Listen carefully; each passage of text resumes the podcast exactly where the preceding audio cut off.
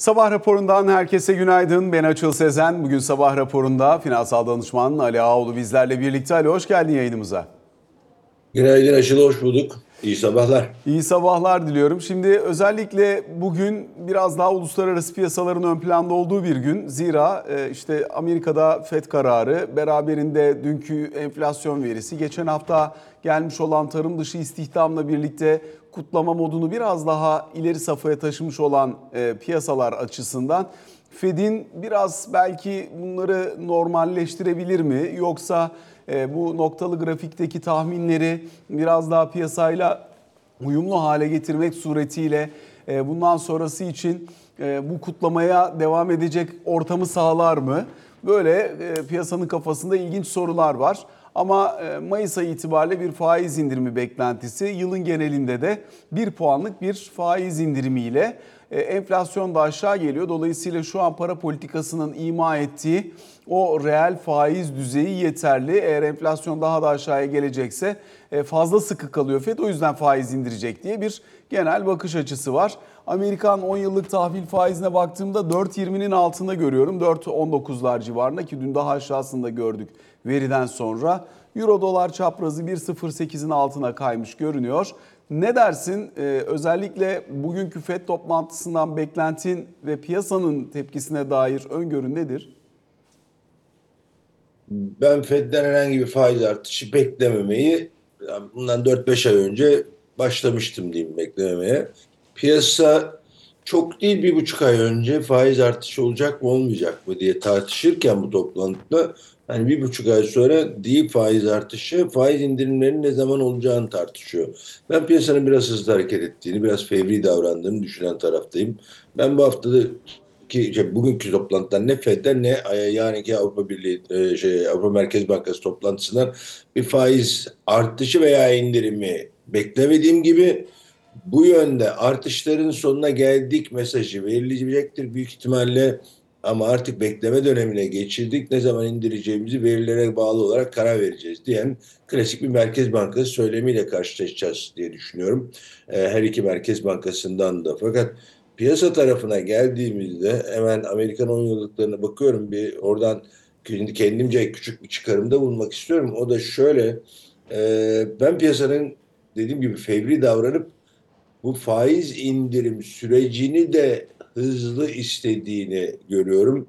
Ama enflasyonla ilgili aslında piyasalarda bize öğretilen, ekonomi derslerinde bize öğretilen e, fiyatlar aşağı yönlü katıdırlar söylemi var. Yani prices are downward rigid dediğimiz bir yapı var. Şimdi bu yapı faiz oranları için geçerli değil ama normal fiyatlarda sadece enflasyon yani fiyatların artış hızının düşmesi değil bazı yerlerde deflasyon görülmesi gerekiyor. Bununla ilgili bir tane iyi haber var bütün dünya için. Petrol fiyatlarında deflatif bir döneme giriyoruz diyeyim. Daha doğrusu böyle bir seyir izliyor şu anda piyasalar. Bu diğer taraftaki artışlar özellikle hizmet tarafındaki ve Fed'in yakından izlediği Amerika'daki istihdam tarafında herhangi bir e, hedefe yönelik diyeyim daha doğrusu kalıcı düşük enflasyon hedefine yönelik destek olacak mı olmayacak mı tarafını dengeleyip dengelemeyeceği önemli. Yani İslam tarafı halinde pozitif seyrediyor Amerika'da. Buna karşılık e, deflatif bir petrol dönemi var. Geçtiğimiz bir ay ve önümüzdeki birkaç ayda da bunun görüleceğini düşünüyorum. Şimdi bunların hepsine bakınca faiz indirimi bu kadar hızlı mı olmalı? Ben pek gerekeceğini zannetmiyorum. Bunu da şöyle söyleyeyim. 9'dan 3'e indirmeyi enflasyonu başarabilirsiniz ama 3'ten 2'ye indirmek için en azından 9'dan 3'e indirmek kadar e, çaba, çaba, harcadığınız çaba kadar daha çaba harcamanız lazım. Zor kısmına gelindi. Yani bundan sonraki bölümde evet faiz oranları pozitif reel faiz veriyor veya en azından vaat ediyor. Bu çok uzun süre sürdürülebilir mi Amerika için? Pek sürdürmek istemeyeceklerdir. Ama ben Mayıs ayı gibi başlayacağını değil, ben Haziran-Temmuz ayından itibaren bunu başlayacağını düşünen taraftayım. Eğer daha önce gelirse piyasalar daha bu bol para döneminde veya bedava para dönemindeki gibi gene o parayı nereye satacaklarına karar veremeyecekler ve yeni bir enflasyon tehdidi bile karşımıza çıkabilir. O yüzden ben Fed'in daha önce yapmış olduğu birkaç hatadan e, ders alıp bu faiz indirimlerini bu kadar hızlı yapacağını düşünmüyorum. 2024 tahminim benim 50 bas puanlık bir indirim. Belki 75 bas puan çünkü 75 bas puanın 25 bas puanı son fazla yapıldığına inandım 25 bas puanın geri alınması ama 100, 125, 150 kısmında ben yokum. En azından onun bu kadar hızlı geleceğini de düşünmüyorum. Gelelim Amerikan 10 yıllık tahvillerine. Hani onların getiri grafiğine baktığımda şöyle bir şey görüyorum. Ee, e, son 3-4 gündür diyeyim çok enteresan bir şekilde ta 2021'in e, sonlarından gelen kısa vadeli bir trendi var. Yükseliş trendi. O trendin üzerinde kalmaya devam ediyor. Daha aşağı inmek için biraz daha motivasyona ihtiyacı var diyor diye düşünüyorum. O motivasyon şu anda Fed'den bugün gelir mi gelmez mi? Ben geleceğini beklemeyen taraftayım. O yüzden Amerikan 10 yıllıkları da kısa bir düzeltme dönemi görürüz. Şu anda 4.19'larda olan en son kapanış rakamı büyük ihtimalle 4.25-4.35 bandına bir düzeltme yapacak. Sonra biraz bakacaktır. Ama ben çok hızlı bir faiz indirimi döngüsünün başlayacağına inanmayan taraftayım. Bu arada özellikle Amerikan hazinesinin e, tahvil ihraçlarına da yoğun ilgi gelmeye devam ediyor. Mesela 30 yıllık tahvil ihalesi vardı dün itibariyle. Oldukça iyi bir e, talep geldiğini gözlemliyoruz. Yaklaşık 21 milyar dolar civarında da satış e, hani e, olmuş. Genel olarak bakınca Amerikan 30 yıllıkları mesela şu anda işte kabaca 4.30'lar civarında. Hani getiri eğrisinin en uzun tarafı 4.30'larda. 2 yıllık tahvil faizine baktığım zamansa kabaca 4.70'lerde kalmaya devam ettiğini görüyorum. Şimdi bu normal şartlar altında kısa vadede sıkı para politikası uygulanıyor. Orta vadede biraz daha enflasyon da aşağı gelecek. Ben de bu ters getiri eğrisi eskisi kadar ters değil ama şu anki haliyle burada yumuşak bir resesyonda bu işin tamamlanacağını öngörüyorum fiyatlaması gibi duruyor. Ee, burada bir değişiklik bekliyor musun? Getiri eğrisinde biraz daha normalleşme, biraz daha yataylaşma ya da kısa uzun vade arasında bir ödünleşme? Evet uzun vadede böyle bir e, ödünleşme dediğin gibi kısa vadenin biraz daha yukarıda kaldığı, uzun vadenin düşük kaldığı tarafa bir miktar e, böyle bir getiri eğrisinin olması gerektiği gibi diyeyim. Uzun vadenin daha düşük, kısa vadenin daha yüksek olduğu bir döneme daha yakınız. Ama bunun için yine Fed'in benim gördüğüm kadarıyla evet ben bu enflasyonu düşürmekte çok kararlıyım. O yüzden faizi sizin istediğiniz kadar değil, benim olması gerektiğini düşündüğüm kadar hızda düşüreceğim diyeceği bir dönemin gelmesi lazım. Ve onun görülmesi lazım. Aksi takdirde bence kısa vadeli bir kazancı elde edip uzun vadeyi feda edip etmeyeceğine piyasada karar verecek, Fed de karar verecek. Burada küçük bir şey daha paylaşayım. Aslında Fed piyasayı yönlendiriyor değil. Genelde genelde aslında piyasa Fed'i yönlendiriyor. Piyasa şu anda 125 bas puan istediğinde aslında kendince makul ve mantıklı sebepleri var piyasanın. Dediğin gibi uzun vade bu kadar yüksek veya pozitif reel faiz Amerika için bu denli yüksekken ve Fed'in bu kadar yüksek seviyede kalıp da ekonomiyi bir resesyona ki bu arada 2023 için de hatırlarsak sene başında 2023'ün ikinci yarısında Amerika resesyona girecek ve çok hızlı faiz indirmek zorunda kalacak diyen bir fiyatlama da vardı. Ve ilginçtir bu faiz indirimleri hep yılın son dönemlerine denk geliyor iki yıldır. Galiba piyasada, e, borsada özellikle endek şeyleri, hisse senetleri biraz yukarıya götürüp biraz e, bilançolardaki veya fonlardaki kara yüksek gösterip daha fazla bonus almak istiyor piyasa diye düşünüyorum. Yani bu, bu da aslında hiç yaban atılır bir sav değil. Fakat ben önümüzdeki faiz indirimlerinin bu kadar hızlı olmayacağı düşüncesiyle bahsettiğimiz o getiri eğrisindeki kısa vadenin uz yüksek, uzun vadenin daha düşük olduğu döneme biraz daha zaman var gibi görünüyor. Bir önceki söylediğime geri döneyim. Fed veya merkez bankaları Bununla ilgili eski Amerikan Merkez Bankalarının başkanlarından bir tanesinin çok güzel bir sözü var. Merkez bankaları partinin çok e, heyhelendiği zaman da içkileri ortadan kaldırması gereken taraftır diyen bir yaklaşımı var. Ben çok severim o yaklaşım merkez bankaları adına. Piyasa şu anda bu tarafta ama Fed de o enflasyonun yüzde iki ve altı, onların hedefi yüzde iki ve altı bizim için hayal bir hedef. Ne kadar güzel bir hedef diye düşünmüyor değilim bazen. Neyse %2'nin altına indirmesi zor olacak. Yani öyle kolay bir iş değil. Şu anda dediğim gibi Detroit tarafı ve emtia piyasaları e, Fed'in bu çabasını destekliyor ama iş gücü ve konut tarafı Amerika'da henüz daha bunu yeterince destekliyor noktasında değilim ya da en azından benim izlediğim kadarıyla değil. Ben o yüzden o getiri eğilişinde henüz daha bir olması gerekene doğru e, değişim için bir miktar daha zaman var diye düşünüyorum. Esas burada Avrupa Merkez Bankası'nın ne yapacağı veya ne söyleyeceği bence biraz daha önemli. Çünkü orada ilk ve daha büyük hareketin ben e, yani ilk Fed indirmeye başlasın ar- arkasından Avrupa takip edecek ama Avrupa'nın biraz daha fazla veya hızlı yapması gerekecek. Çünkü Avrupa tarafındaki resesyon demesek bile durgunluğa yaklaşan bir yapı var. Biraz da katılaşmaya başlamış durumda bu rakamlar. Özellikle Amerika şey Al- Almanya'nın sanayi üretimi ve ihracat tarafına bakıldığında evet bu biraz daha fazla hissediliyor. Bu bizim Türkiye için de kötü bir haber ama Avrupa Merkez Bankası Lagarde'ın ne diyeceğine biraz daha dikkatli bakacağım ben bu sefer. Çünkü onların söylemi Amerika'nın söyleminden bir çıt daha bizi fazla ilgilendiriyor diye düşünüyorum. Orası biraz daha büyük hareketler yapacak. Zaten paritenin de bir onlardan 1.07, 1.08'lere gelmesinin esas sebebi biraz da o oldu diye düşünüyorum. Ee, onu da biraz yakından izlemek lazım bu sefer. Peki Avrupa Merkez Bankası'nda tabii resesyon korkuları çok ön planda. Orada enflasyon daha da hızlı aşağı geldi vesaire. Dolayısıyla aslında daha hızlı aksiyon beklentisi piyasada hakim. Daha erken başlayabilir. İlk e, faiz indiren e, majör merkez bankası olabilir. Bu yaklaşımlar da çok ön planda. Burayı takip edeceğini söylüyorsun. Bir de tabii e, Japonya'nın da negatif reel fa- e, negatif faiz politikasından vazgeçip geçmeyeceği yönünde çok tartışma var. Yani aslında 3 majör merkez bankasının da şahinlikten güvercinliğe doğru dönme meylinin tartışıldığı ortam risk algısı için biraz daha iyimser midir? Ne dersin? Ne kadar abartılabilir? En azından onu sorayım. O son, son sonsuz abartılabilir. Yani piyasalara böyle bir imkanı verirseniz piyasalar bunu sonuna kadar kullanırlar diye düşünüyorum. Ama Japonya tarafı ile ilgili ben sadece teknik analizden yola çıkarak bir söz söylemek istiyorum. Ee, önümüzdeki yılın en fazla e, konuşacağımız para birimi herhalde Japon yeni olacak. Çünkü Japonya ile ilgili biraz da temel analiz veya temelden e, gelen bir problem var.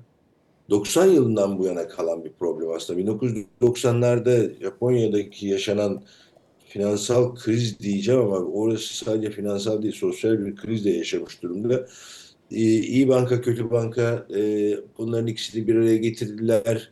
90 yılından beri düşük faiz politikasını izleyen bir yer orası. Enflasyon büyüme, e, yaşlı nüfus, demografi problemleri derken çok ilginç ve şu anda neredeyse Japonya'nın sahibi Japon Merkez Bankası gibi bir durum. Oradan da imparator ama bu finansal olarak da böyle. Yani çünkü neredeyse piyasayı canlandırabilmek için e, şirket ETF'lerini bile Merkez Bankası satın aldı Japonya'da. Çok garip bir laboratuvar bence. Yani bütün dünya içinde ilginç bir laboratuvar Japonya. Ee, ve bu burada 145'e kadar geldi. Hatta 150'ye kadar geldi Japonya'nın. Şimdi o bahsettiğimiz re, negatif reel faiz veya negatif faiz e, reelini geçtik. Negatif faiz döneminden çıkıp pozitif faiz dönemine geçmek durumundalar. Çünkü onları da enflasyon bir şekilde e, rahatsız etmeye başladı. Japonya'nın da 110-120 bandına böyle bir sene bu sene içinde bir hareket olur mu sorusunu ben soruyorum şu anda. Çünkü o zaman e, hakikaten bunun olabilmesi için faizin bahsettiğimiz hareketleri yapması lazım. Ben en çok bu sene Japon yenini izleyeceğiz diye düşünüyorum. Yani sadece ben değil sizler de herhalde daha fazla Japon yeninde ne oluyor durumuna geçeceğiz. Çünkü Japon yeni şu anda bugün diğer faizleri yüksek olduğu ortamda en fazla kullanılan gene carry trade paralarından biri oldu. Ee, ondan vazgeçilecek mi vazgeçilmeyecek mi? Bunun için izleyeceğiz diye baktığımda aslında diğer piyasaların neredeyse can suyu vazifesini gören bir fonlama para biriminden, fonlama görevinden uzaklaşacak olması, görev değil daha doğrusu, fonlama fırsatından uzaklaşacak olması durumunda diğer risk iştahını etkileyecek faktörler veya borsaları etkileyen bu altına atılan ateş misali e, kullanılan Japon eğer kullanımın maliyeti artacak olur ise ki değerlenmesi demektir bu. Kullanımın maliyeti artacak olur ise burada bir problem çıkar. Diğer piyasaları da olumsuz etkileyecektir diye düşünüyorum. O yüzden Japon yenini ben hani Euro tarafı Türkiye için ama Japon yeni tarafı tüm dünya için daha fazla izlenilecek bir e, para birimi olacak 2024'te. Şimdi bugünün önemli gündem maddesi petrol aslında. FED toplantısı ve uluslararası ortam haricinde.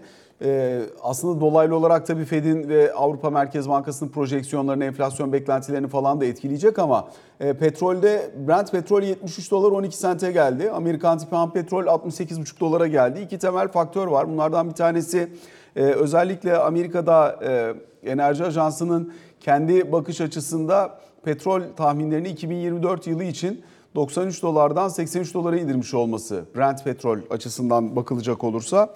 E, dolayısıyla bu önemli konulardan bir tanesi ama öte yandan da Rusya'da özellikle e, deniz kökenli petrol e, üretiminde son dönemin en kuvvetli artışlarının gözlenmiş olması hem Amerika'da üretim beklentilerinin giderek artmaya devam ediyor olması hem Rusya üretiminin çok ciddi şekilde yükselmeyi sürdürmesi petrolde %4 kadar falan bir aşağı yönlü hareketi getirdi beraberinde. Seninle e, son 3-4 haftadır sürekli konuşuyoruz petrol fiyatlarının geleceği üzerine. E, ve uzun süre sonra ilk defa WTI'de 12 aylık vadede kontango durumuna da geçildiğini gözlemliyoruz. Dolayısıyla hani e, fiyatlarda bir orta uzun vadeli tahmin yapmak gerekirse arz fazlası piyasası biraz daha belirginleşmiş gibi görünüyor. Ne dersin? Arz fazlası piyasasından çok ben daha iyi bir tanımla gelmek istiyorum müsaade edersen. 1970 yılından bu yana petrol piyasası satıcı piyasasıydı. Yani satıcıların piyasayı yönlendirdiği bir piyasaydı. Ben 2024 ama özellikle 2025'ten itibaren artık petrol piyasasının alıcı piyasası olacağını düşünmeye başladım. Şimdi burada birkaç tane e, küçük bilgi paylaşayım. Son yakın zamanda bir gene biz böyle bir heyecanlı bir hareket yaptı Brent. Çünkü e, Hürmüz Boğazı'nda Hutilerin olduğu bölgede bir tanker vurulmuştu. Bu petrol piyasasının çok sevmediği bir konudur. Özellikle Hürmüz Boğazı şeydir, e, kritik bir petrol geçiş alanıdır. Teknik analizde kısa vade bu 72,5-73 bandı Brent petrol için önemli ama esas uzun vadeyle ilgili birkaç düşüncemi paylaşayım ya da tahminimi paylaşayım. Daha önceden birkaç defa konuştuk ama e, Amerika şu anda dünyanın en büyük petrol üreticisi ve ihracatçısı konumuna geldi. Özellikle Orta Doğu denklemini petrol ve Amerika'nın petrole ihtiyacı gibi çok arkaik kalmış söylemlerle açıklamaya çalışanları artık dinlemekten tamamen vazgeçmiş durumdayım. Çünkü petrol dengesi cidden kökten değişmiş durumda. Dikkat edersen OPEC Plus'ın e, son 6 ay hatta 9 aydır yapmaya çalıştığı hemen hemen her şey doğru dürüst çalışmıyor, çalışamıyor. Çünkü Amerika'nın üretimi hem Amerika'nın dünyadan çektiği petrolün neredeyse tamamından vazgeçmiş olması hem de kendisinin gaz başta olmak üzere kayaç petrol ve kayaç gazı üretimindeki artışlarla birlikte dengeyi çok radikal olarak değiştirdi. Bunun bir de üzerine elektrikli arabalarda çok ciddi bir şey var. E, kullanım artışı var diyelim. Bu da doğal olarak talebi düşürüyor. İkinci uzun vadeli e, yapısal değişim peak oil denilen e, zirve petrol tartışması vardı eskiden. Bu şu demekti, üretilebilir, bilinen ve üretilebilir. Çünkü bilinmesi yetmiyor, üretilebilir olması lazım rezervin bilinen ve üretilebilir rezervinin karşılayabileceği maksimum talep miktarı peak oil olarak tanımlanıyordu. Eğer onun üzerine çıkarsa talep fiyat sonsuz artabilecek çünkü petrol paha biçilemez olacak deniyordu. E bu dönemi hiçbir zaman görmedi. Teoride kaldı bu. Fakat artık yeni bir kavram var. Zirve petrol talebi kavramı ki önümüzdeki birkaç yılda bunun bu sene Çin'de görüldüğünü, görüleceğini Çin söyledi. Ama dünyada da bunun yavaş yavaş görüleceği tartışılacaktır önümüzdeki haftalarda demeyeyim ama aylarda. O da şu, e, maksimum ulaşabilecek petrol seviyesi, şey, petrol talebi seviyesi. Oradan itibaren artık petrol talebi düşecek. Şimdi bunların hepsini göz önüne alırken Ben küçük son bir noktayı daha söyleyeyim petrolle ilgili 67-72 dolardı. Amerika e, rezervlerini 85 doların üzerinde stratejik rezervlerini satmıştı hatırlarsanız. O, o dönemde de 67-72 dolar alışta WTI için konuşuyorum. Ee, Amerika petrol rezervlerini yeniden inşa edecek veya yerine koyacak gibi bir stratejiyle gelmişti. Ee, dikkat ederseniz burada hemen hemen çok az alım yaptılar, yapmıyorlar. Şu anda tam da o bölgede 67-72'nin tam içinde olan bir yerde e, WTI. Ben Amerika'nın bu stratejik rezervleri yerine koyacağını düşünmemeye başladım. Neden diyeceksin? Orada da teknik olarak Amerika gibi bir ülke ihracat, petrol ihraç ederken, gayaç petrolü ihraç ederken bunu bir anda durdursa içindeki üretim artmaya devam ettiğinde zaten o stratejik rezervleri çok rahatlıkla yerine koyabilecek durumda.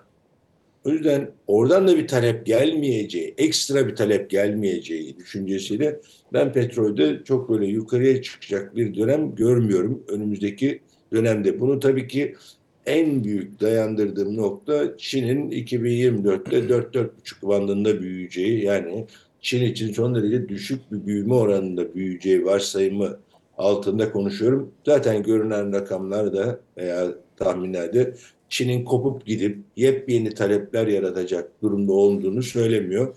Kaldı ki Çin'de yaklaşık 10 milyon tane elektrikli araba üretebilme kapasitesi var. Onlar da hem hava kirliliğinden hem enerji bağımlılığını azaltabilmek adına zaten elektrikliye dönmeye başladılar. Sonuç olarak dünyada petrol talebinin zirveyi gördüğü günlerde, yıllarda, aylarda olabiliriz.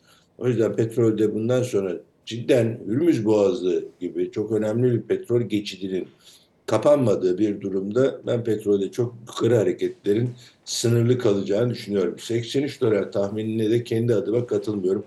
Tabii ki Enerji Ajansı benden çok daha fazla veriye sahip ama 93'ten 83'e indirmek bence çok e, e, büyük bir hareket. Yani bu kadar büyük bir düşüşü gerektiriyorsa daha önce aklımız neredeydi diyeceğim. Benim tahminim 2024 için 65-75 dolar bandında bir petrol fiyatı. Bunun artı eksi 5 dolarlık salınımları olur ama çok fazla uzağa gideceğimizi düşünmüyorum.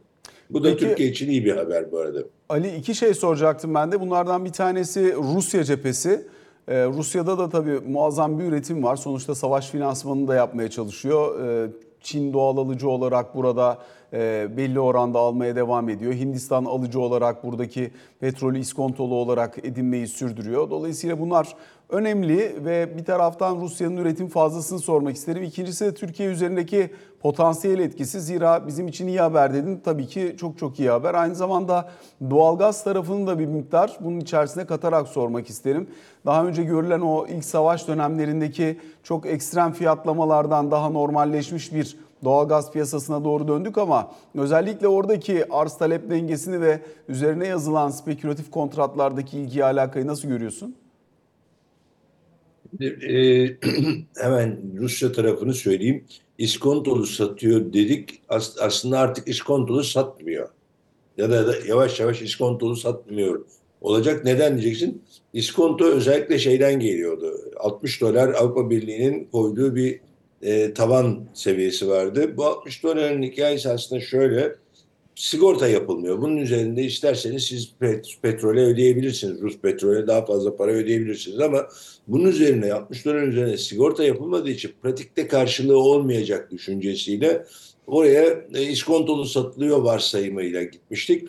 O dönemde de çok evet iskontolu satıyordu ama 94 dolar ya da 90 doların üzerindeyken belki 15 dolar iskontoyla satıyordu. 65 dolar 70 dolar e, seviyelerine kadar çıkabiliyordu e, Rusya, Hindistan ama özellikle Çin'e yaptığı satışlarda. Şimdi iskontolu diye bir şey kalmıyor çünkü fiyatlar düştüğü için 60 dolara yaklaştığı için çok fazla iskontoya gerek kalmıyor ama Rusya'nın dediğin gibi hem üretimi artıyor.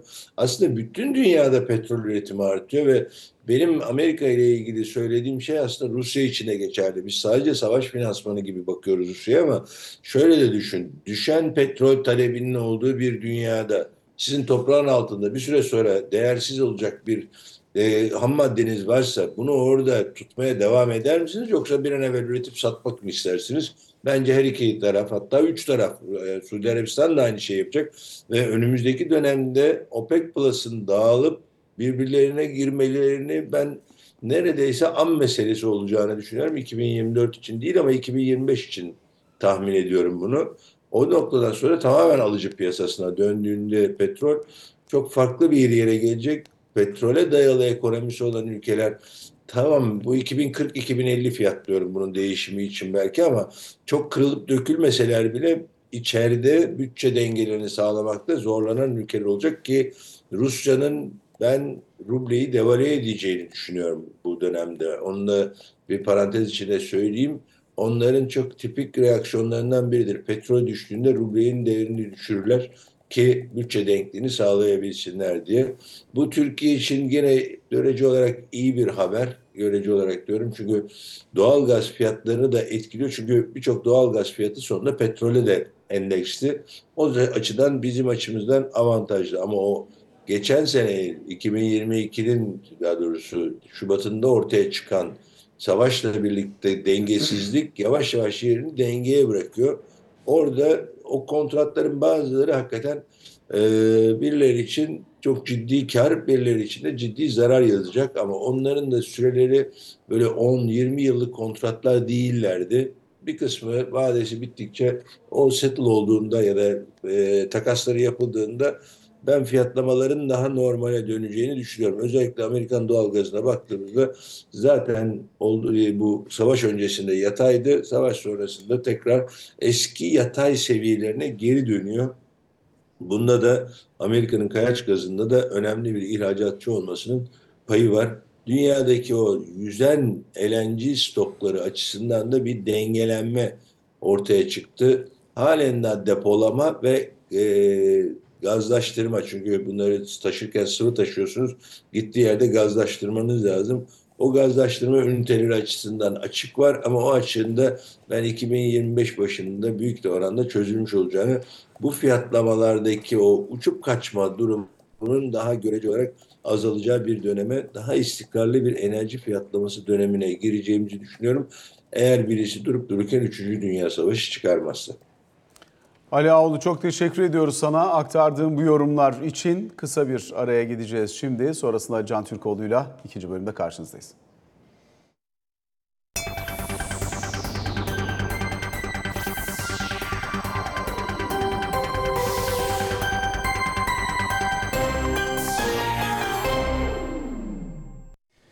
Sabah raporunun ikinci bölümünde Ali Can Türkoğlu bizlerle birlikte. Ali Can günaydın. Günaydın. Şimdi öncelikle partiler arasında özellikle yerel seçime dönük görüşmeler, müzakereler devam ediyor. Bugün kimler kimlerle görüşüyorsun? Ee, şimdi bugün muhalefetten başlayayım. Aslında biz günlerdir AK Parti, MHP tarafının toplantılarından bahsediyoruz ama bugün Cumhuriyet Halk Partisi'nde e, Özgür Özel'in bir ziyareti olacak. E, DEM Parti, ismi DEM Parti oldu bu arada. Hani HDP'nin, eski HDP'nin onu izleyicilerimize aktarayım tekrar. Bugün DEM Parti'yi ziyaret edecek. Burada da özellikle İyi Parti'nin kendisinin seçime gireceği kararını, e, yönündeki kararı e, bir kez daha aktardıktan sonra Cumhuriyet Halk Partisi heyetine de e, artık CHP tarafında da zaten daha öncesinde de açıklanan hani tüm partilerle biz e, seçmen nezdinde neler yapılabileceğiyle ilgili görüşmelerimiz olabilir yönündeki açıklamasını biraz daha e, ete kemiğe bürünüyor artık yavaş yavaş. Dolayısıyla bu noktada bugünden partiyle muhtemelen önümüzdeki günlerde e, zamanda beraber ittifak halinde bulunduğu diğer siyasi partilerin genel başkanlarıyla da bir görüşme yapacaktır CHP Genel Başkanı Özgür Özel. Bugünkü DEM Parti görüşmesinde özellikle son hafta, son bir hafta içerisinde e, o taraftan gelen yerel seçimlerde kendi adaylarımızı çıkarmayı e, ciddi olarak düşünüyoruz yönündeki açıklamalar sonrası yapılması kritik. Bugünkü açıklama, bugünkü toplantı sonrasında ben hemen e, bir e, detaylı bir değerlendirme yapılmasını beklemiyorum parti genel merkezlerinden. CHP'den de, e, DEM Parti'den de. Yani herhangi bir şekilde özellikle büyük şehirlerde bir aday destekleme kararı ilerleyen zamanda olacaksa bile onun açıklama zamanı bugün olmayacaktır. Bugün yapılacak görüşme neticesinde partilerin yetkili kurullarının tekrar toplanacağı ve yerel seçime ilişkin kendi stratejilerini belirleyeceği yönünde açıklamalar yapılmasını bekliyorum ben iki taraftan da. Ama özellikle büyük şehirlerde İyi Parti desteğinin olmayacağı düşünüldüğünde de diğer siyasi partilerden al- alınacak desteklerin çok önemli olduğunu Cumhuriyet Halk Partisi Genel Merkezi zaten değerlendiriyor. Özellikle kendi elindeki büyük şehirlerden bahsediyorum. Do- Dolayısıyla bugünkü görüşme e, bu konuda yapılacak ilk görüşme olması sebebiyle oldukça önemli. E, önümüzdeki günlerde dediğim gibi diğer partilerle de CHP heyetinin ve Genel Başkanı'nın bir toplantı yapmasını bekliyorum. Bu arada diğer tarafta yani AK Parti Milliyetçi Hareket Partisi tarafında dün e, Erdoğan'la Erbakan arasında bir görüşme oldu. Yeniden Refah Partisi Genel Başkanı Fatih Erbakan'la e, Tayyip Erdoğan arasında. Burada da e, özellikle yine yerel seçimlere ilişkin e, Yeniden Refah Partisi ile AK Parti arasında ve dolayısıyla MHP arasında e, çok e, yüksek sayıda il ilçede olmasa bile belirli noktalarda bir e, işbirliği yapılabilir mi sorusunun e, konuşulduğu ifade ediliyor. Hatta kaynaklar tarafından bazı ilçelerde İstanbul'un bazı ilçeleri de dahil olmak üzere e, böyle bir işbirliği yoluna gitme ihtimalinin de oldukça yüksek olarak değerlendirildiği söyleniyor. Yani dün akşam AK Parti koridorlarında genel merkezde konuşulan konu İstanbul'un bir iki il- ilçesinin içinde bulunduğu yeniden Refah Partisi'ne bırakılacak şekilde ama genel anlamıyla da diğer e, bütün il ve ilçelerde de AK Parti adaylarının destekleneceği bir işbirliğinin yakın olduğu yönünde e, bir açıklama gel- gelmesini bekliyoruz. Özellikle gelecek hafta. Neden gelecek hafta diyorum? E, muhtemelen yine Cuma günü AK Parti ve Milliyetçi Hareket Partisi'nin oluşturulan heyetleri arasında 10 toplantı yapıldı şu ana kadar. Bir görüşmenin final görüşmesi olarak değerlendirilebilecek bir görüşmenin daha yapılması e, konuşuluyor. Bu noktadan sonra da yani heyetler arasında yapılacak son toplantı sonrasında da bir Erdoğan Bahçeli toplantısıyla e, son noktanın konulması ve bundan sonra gelecek pazartesiden itibaren de e, peyderpey adayların kamuoyuyla paylaşılması yönünde bir planlama var gözüküyor şu anda AK Parti Milliyetçi Hareket Partisi kanadında da. Buradaki açıklamanın da özellikle bu partilerin kendi içlerindeki görüşmeler tamamlandıktan sonra yapılması planlanıyormuş. E, AK Parti'de zaten komisyon toplantısı dün de konuşmuştuk. Yapıldı bu hafta içerisinde. Devam ediyor komisyon kendi içerisinde değerlendirme. Mesela dün akşam saatlerinde e, Tayyip Erdoğan'ın İzmir İl Teşkilatı ile bir görüşmesi de olmuş. Dolayısıyla bu kapsamda özellikle büyük şehirlere yönelik daha farklı mekanizmaların işletildiği partilerin kendi içlerinden bahsediyorum. E, toplantılar çok hızlı bir şekilde yapılıyor ama gelecek haftadan itibaren de bütün iller olmasa bile gelecek haftanın işte Ocak ortasına kadar sürecek bir e, zaman aralığında adayların açıklanma süreci de başlıyor partilerde. Ali Can teşekkür ediyoruz. Ben teşekkür Sabah ederim. raporuna böylelikle son noktayı koymuş oluyoruz. Hoşçakalın.